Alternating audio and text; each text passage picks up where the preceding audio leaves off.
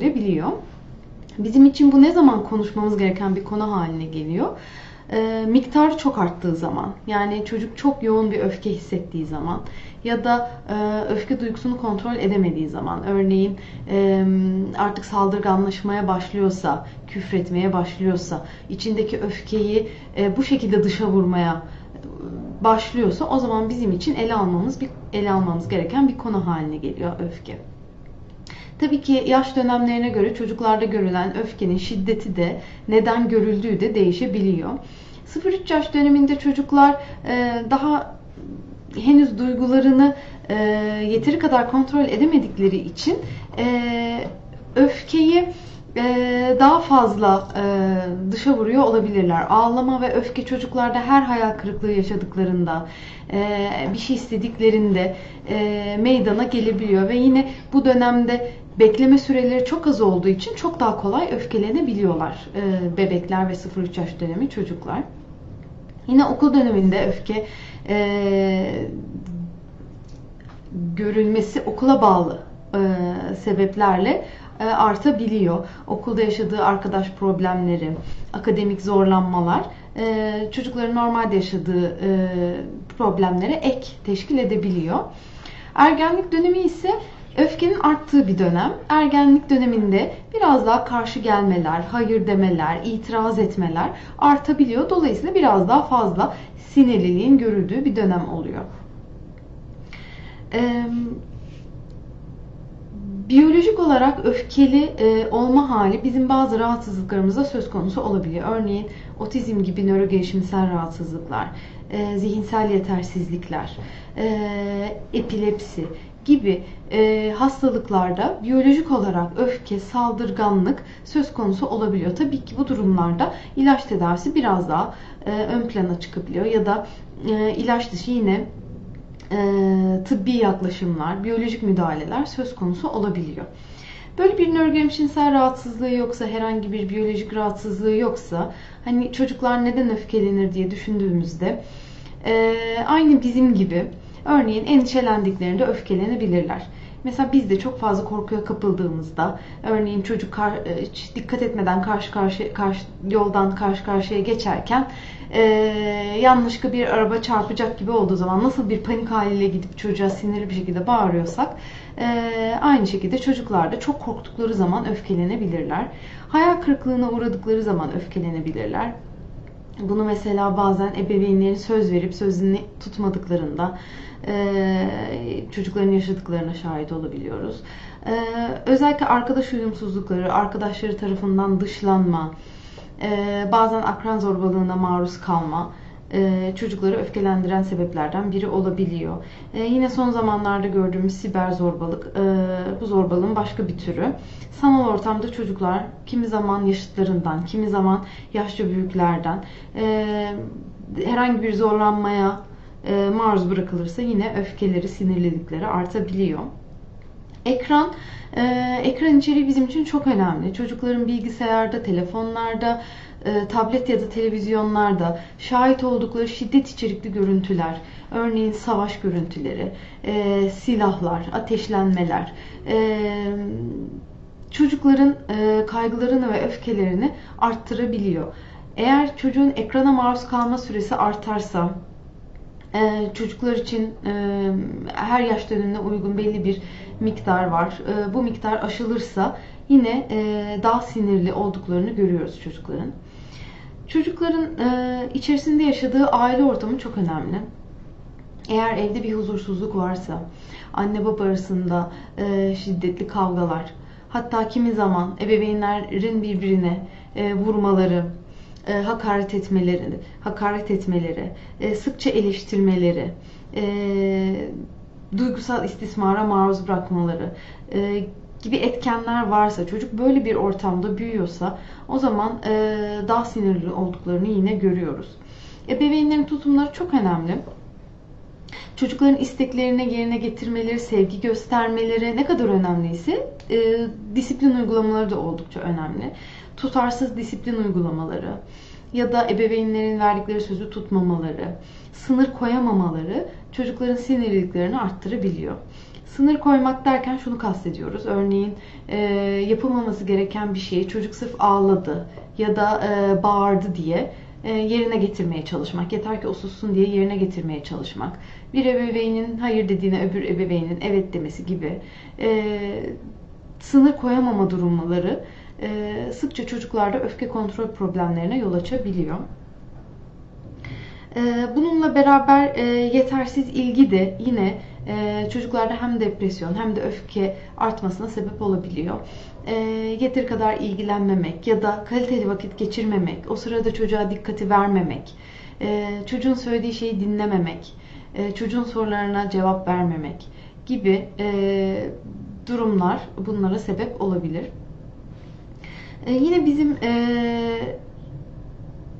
diğer bahsettiğim duygulardan kaygı ve mutsuzluk da yoğun olduğu zaman öfke yoğunlaşabiliyor çocuklarda. Yani çok mutsuz çocuklar, depresyonda çocuklar bazen sadece e, öfkeli şikayetiyle polikliniklerimize gelebiliyorlar. Bazen e, ağlama, içe kapanma görmüyoruz. Bu çocuklarda bazen sadece sinirlilik ve öfke artışı görebiliyoruz. Yine çok yoğun kaygı, çok yoğun korku ve endişe hali de e, öfkenin artımına sebep olabiliyor. Yine bununla beraber takıntı bozukluklarında, tik bozukluklarında takıntılar ve tikler yoğunlaştıkça çocuğun öfkesinin arttığını biliyoruz. Hocam e, çocuklarda öfkeden bahsetmişken özellikle öfkelenen çocuklara karşı anne babalarının davranışı nasıl olmalı? Çünkü o noktada bazen anne baba da daha agresif davranabiliyorlar. Hani çocuğu biraz daha bastırmak için belki ama bu çocukta ne gibi yaralar açabilir ileriki yaşlarda? ee, çocuk öfkelendiği zaman anne babanın da ona karşı öfkeli yaklaşması öfkeyi arttıracaktır. Çocuğun sakinleşmesini zorlaştıracaktır. Çocuk öfkeli olmasa dahi ebeveynlerin evde sürekli bağırması, bazen çocuğa aşağılayıcı herhangi bir kelime kullanması çocuğun başka bir zamanda aynı kelimeleri kullanmasına ya da aynı ebeveynleri gibi bağırmasına sebep olabilir. Örneğin e, ders başarısızlığı olan bir çocuğun aşağılanması, e, salak mısın sen, yapamıyor musun, bak diğeri yapıyor gibi karşılaştırmalara girmek e, çocuğun öfkesini arttırır. E, çocuk da sınıfta gider bir başkasını aşağılar e, ya da ebe, ebeveynlerinden dövülmeye ya da bağırılmaya maruz kalan bir çocuk gidip sınıfta, teneffüste arkadaşına vurup arkadaşına bağırmayı e, rol model alabilir. O nedenle öncelikle ebeveynlerin sakin kalması çok önemli. Meseleyi anlamak çok önemli. Yani çocuk neden öfkeleniyor? Ee, bir hayal kırıklığı mı yaşadı? İstediği bir şey mi olmadı? Biri onun canını mı acıttı? Herhangi bir şeye mi üzüldü? Ee, bunu anlamak çok önemli. Bunu anlayabilmek ve sakince konuşabilmek için önce çocuğun sakinleşmesini beklemek gerekli. Eğer çocuk ebeveynine vuruyorsa, e, kötü kelimeler söylüyorsa buna asla izin vermemek gerekli. Çocuğun o sırada elleri tutulabilir. E, buna izin vermemek, bunun doğru olmadığını söylemek, hiçbir şekilde kabul etmemek e, burada çok önemli. Doğru rol model olmak önemli açıkçası. Peki hocam, sınır koyulmasından bahsediniz. Sınır koymakla alakalı. Peki ebeveynler bazen özellikle çocuklar tabletle oynamak istedikleri zaman, telefonla oynamak istedikleri zaman, bunlara bir sınırlandırma getirmek istedikleri zaman çocuklar genelde bunu kabul etmiyorlar ve agresifleşiyorlar bu noktada. Aileler e, sırf çocuk e, dursun diye bazen eline tablet veya telefon verebiliyorlar. Buradaki yanlışlık nedir hocam? E, evet, ekran kullanımı çocuğa e, tablet, telefon vermek, bilgisayarın önüne oturtmak, televizyonun önüne oturtmak bazen yeter ki sussun diye ya da yemeğini yesin diye fazladan yapılabiliyor. Bizim için süre çok önemli. Zaten iki etken var. Birincisi süre, ikincisi de içerik. Ee, süre olarak özellikle 0-3 yaş döneminde neredeyse hiç açılmamasını istiyoruz. Çünkü o yaş döneminde çocuklar, küçük çocuklar e, ekranda seyrettikleri şeyin içeriğini henüz anlayamıyorlar. Sebep sonuç ilişkisini kuramıyorlar. Hikayenin başını sonunu e, idrak edemiyorlar. Dolayısıyla çok da fazla faydalanacakları bir şey yok aslında. Ve e, bu yaş döneminde anlamlandırmaları da henüz zayıf olduğu için çok korkabiliyorlar orada gördüğü öğelerden. O nedenle 0-3 yaş döneminde mümkünse hiç önermiyoruz. Özellikle 3-6 yaş döneminde okul öncesi dönemde bir, yaş, bir saati geçmeyi hiç önermiyoruz. Ee, yaşla beraber ekranın süresi hafifçe uzatılabilir. Ee, içerik de bizim için çok önemli. Demin de dediğim gibi şiddet içerikleri, savaş, kötü haberler, e, kan, silahlar, e, büyüklerin seyretmesi gereken diziler, belgeseller ya da haberlerin çocuklar tarafından izlenmesi bizim için sakıncalı durumlar. E, burada hani ebeveynlerin yaş içeriğine uygun e, içerik, ekran içeriği açmalarını öneriyoruz.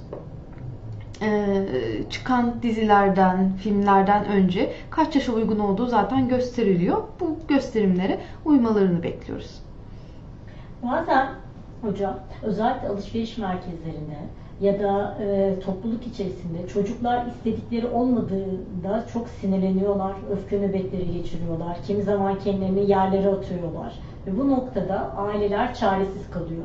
Kimisi hani bu durumu kurtarmak için çocuğu istediği yönde hareket ediyor. Kimisi bekliyor. Kimisi o da öfkeleniyor ve hani ciddi bir sinir çatışması oluyor orada. Bu tarz durumlarla karşılaştığı zaman aslında süreci yönetecek her zaman aile ama hani bazen aileler de zorlanıyor. Bazı tavsiyelerde bulunabilir misiniz? Aileler nasıl davranmalı böyle durumlarda? Sınır koymak bir çocuğa çok önemli. E, neyin yapılacağını, neyin yapılmayacağını öğretmek çocuğu sevmek kadar önemli. Çünkü biz aslında çocuklarımızı hayata hazırlıyoruz. Dolayısıyla çocuklar okullardan önce bizlerden, ebeveynlerinden nerede nasıl davranmaları gerektiğini hem rol model alarak yani hem onları taklit ederek hem gözlemleyerek hem de birebir söylemlerinden, öğretilerinden öğreniyorlar. Dolayısıyla her alanda nerede nasıl davranılması gerektiğini, kuralları, e, sınırlarını bir çocuğa e, bizim öğretmemiz gerekiyor. E, eğer bir şeye hayır dediysek, e, bunu bunu değiştirmemeliyiz artık. Yani hayır dediğimiz bir şeyi sırf o sırada çocuk ağlıyor ya da sırf bağırıyor diye ya da sırf toplum içindeyiz diye evete döndürmemek gerekiyor. Bir ebeveynin söylediğini diğer bir ebeveynin bozmaması gerekiyor. Bu anlamda tutarlı olmak çok önemli. Yine bazen sırf çocuğa bir şey yaptırmak için fazla ödüllendirmelere gidildiğini görüyoruz. Her şeyi ödülle yaptırmaya çalışmak, özellikle ders çalışmayı ödülle yaptırmaya çalışmak bunun bir alışkanlık haline gelmesine neden oluyor ve ödül miktarı giderek büyüyeceği için ve çocuk ödülsüz hiçbir şey yapmamaya alışacağı için bunu hiç önermiyoruz.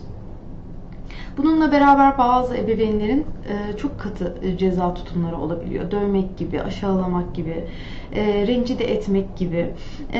Bunlar da bilakis çocuğun daha fazla inatlaşmasına sebep olacaktır. İnadını daha fazla yapmasına, daha öfkeli olmasına sebep olacaktır ve ebeveynle olan ilişkisini bozacaktır.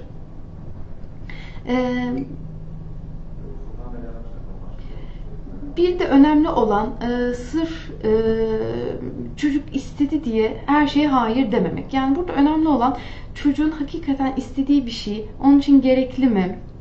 E, bununla ne kadar mutlu olacak? Bunu iyi kestirmek, e, her şeye hayır dememek hakikaten e, hakikaten hani neye evet neye hayır diyeceğini bir ebeveynin önceden kestirebilmesi gerekiyor. Burada tabii sadece ebeveynler değil bazen bakıcılar, anneanneler, babaanneler de söz konusu olabiliyor.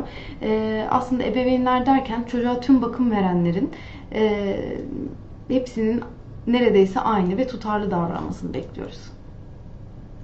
Hocam konumuzla ilgili değil ama bir izleyicimiz şöyle bir soru yöneltmiş size. Hocam merhabalar. Çocuğun konuşkan olması için ne yapabiliriz? Bir soru sorduğu zaman kafayı öne eğip sessiz kalıyor. Rica etsem öneride bulunabilir misiniz diye sormuşlar. E, bu birçok şeye sebebe bağlı olabilir aslında. Yine konumuzla bağlantılı olarak evde çok fazla bağırılan, e, fazla otoriter, fazla e, baskıcı tutumlara sahip ebeveynlerin çocuklarının kimi zaman dışarıda daha çekimser olduğuna e, görebiliyoruz. Daha özgüveni düşük, daha çekimser, e, isteklerini, taleplerini dile getiremeyen çocuklar olabiliyor. Bu nedenle e, ebeveyn tutumları yine burada oldukça önemli. Kimi zaman ise bu çocukların kaygılı olduğunu görebiliyoruz. E, kaygılı ebeveynlere sahip e, çocuklar olabilir bunlar ya da çocukların kendi kaygılı olabilir, e, çekingen olabilir. Eğer bu durum onun okuldaki ilişkilerini bozuyorsa, arkadaşlarıyla ilişkisini bozuyorsa o zaman bir yardım almakta fayda vardır. Ee, hocam zaman zaman çocuklar birbirlerine karşı da çok öfkeleniyorlar. Özellikle küçük çocuklar oyun parklarına gittikleri zaman bazı nedenlerden birbirlerine çok öfkeleniyorlar. Hatta birbirlerine zarar da verebiliyorlar. Böyle durumlarda ebeveyn tutumları nasıl olmalı? Aileler müdahale mi etmeli yoksa geri çekilip çocukları mı izlemeli? Ee, toplum önemli. Yani biz çocukları dışarı çıkardığımız zaman e, büyüklerin ya da ergenlerin e, olumsuz bir takım davranışlarını çocuklar şahit olduğu zaman bunları örnek almaları söz konusu olabiliyor. Yine bunun dışında küçük çocuklar kendilerini kontrol edemedikleri için henüz yeteri kadar e, ya da kardeşler hani birbirleriyle anlaşmakta zorluk çekip e, bu tarz davranışlara meyledebilirler. Burada önemli olan çocuklar birbirlerine zarar veriyorlarsa bunu engellemek ama zarar vermiyorlarsa ufak tefek anlaşmazlıklar söz konusuysa her anlaşmazlığa müdahale etmemek önemli. Çocuğun e, kendi problemlerini kendi çözmeyi öğrenmesi için biraz deneyimlemesi lazım. Her şeye müdahale etmek bunu engelliyor. Her şeye müdahale etmek, çocuğun her sorununu kendi çözmek, ebeveynin kendi çözmesi, her soruna müdahale etmesi, bazen ödevlerini ebeveynin kendi yapması, ee, arkadaşıyla problem yaşadığı zaman çocuğun kendi çözmesini beklemek yerine gidip o arkadaşla ebeveynin kendi konuşması, çocuğun bunları kendi çözme becerilerini azaltabiliyor. Peki yaş ilerlediği zaman aile tutumları da değişmeli mi? E, ana sınıfına giden ya da birinci sınıftaki çocuğa davranım şekliyle ortaokula giden ya da liseye giden çocuğa davranım şekli aynı mı olmalı? Hı hı. Ya ergenlik dönemi evet orada oldukça özel bir dönem.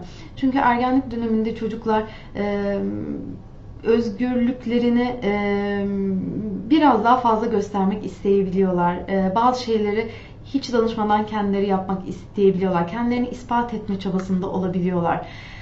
Ebeveynlerinden ziyade daha fazla arkadaşlarıyla vakit geçirmek isteyebiliyorlar. Bu noktalarda e, disiplini tamamen e, sıfırlamadan, yine çocuğa göz kulak olarak, yine sınırlarımızı koyarak ama belli bir esneklik sağlayarak e, yol almak gerekli diğer, diğer daha küçük çocuklara göre. Hocam son olarak e, öfke problemleri yaşayan çocukların ailelerine tavsiyelerde bulunursanız sanır- sanırım ailelerimiz de faydalanmış olurlar. Burada en önemli nokta ailenin kendi öfkesini kontrol edebilmesi. Ee, kendilerine bir e, göz atmalılar. Hani bağırıyor muyum, vuruyor muyum, evde bir huzursuzluk var mı? En önemli mesele e, bunları azaltmak. Diğer ikinci bir mesele e, demin de söylediğimiz gibi ekran süresini ayarlamak ve ekranda çocuğun ne izlediğini mutlaka takip etmek. Çocuk yaşına uygunsuz şeyler izliyorsa çocuğu yönlendirmek. Ee, kendi izledikleri diziler zamanında ya da haber zamanında çocukları mümkün olduğu kadar e, bu ortamda tutmamak oldukça önemli. Okulla işbirliği yapmak önemli. Ee, okuldan gelen geri bildirimleri almak, e, önerileri almak, çocuğun okuldaki durumunu takip etmek çok önemli. Ee, bir yandan e, kuralları düzgün uygulamak, evde kurallar belirlemek, e, bir yandan da çok aşırı otoriter olmamak, çocuğu baskılamamak, e, özgüvenini zedelememek yine önemli noktalardan bir tanesi. Yayınımıza katıldığınız için teşekkür ediyoruz hocam.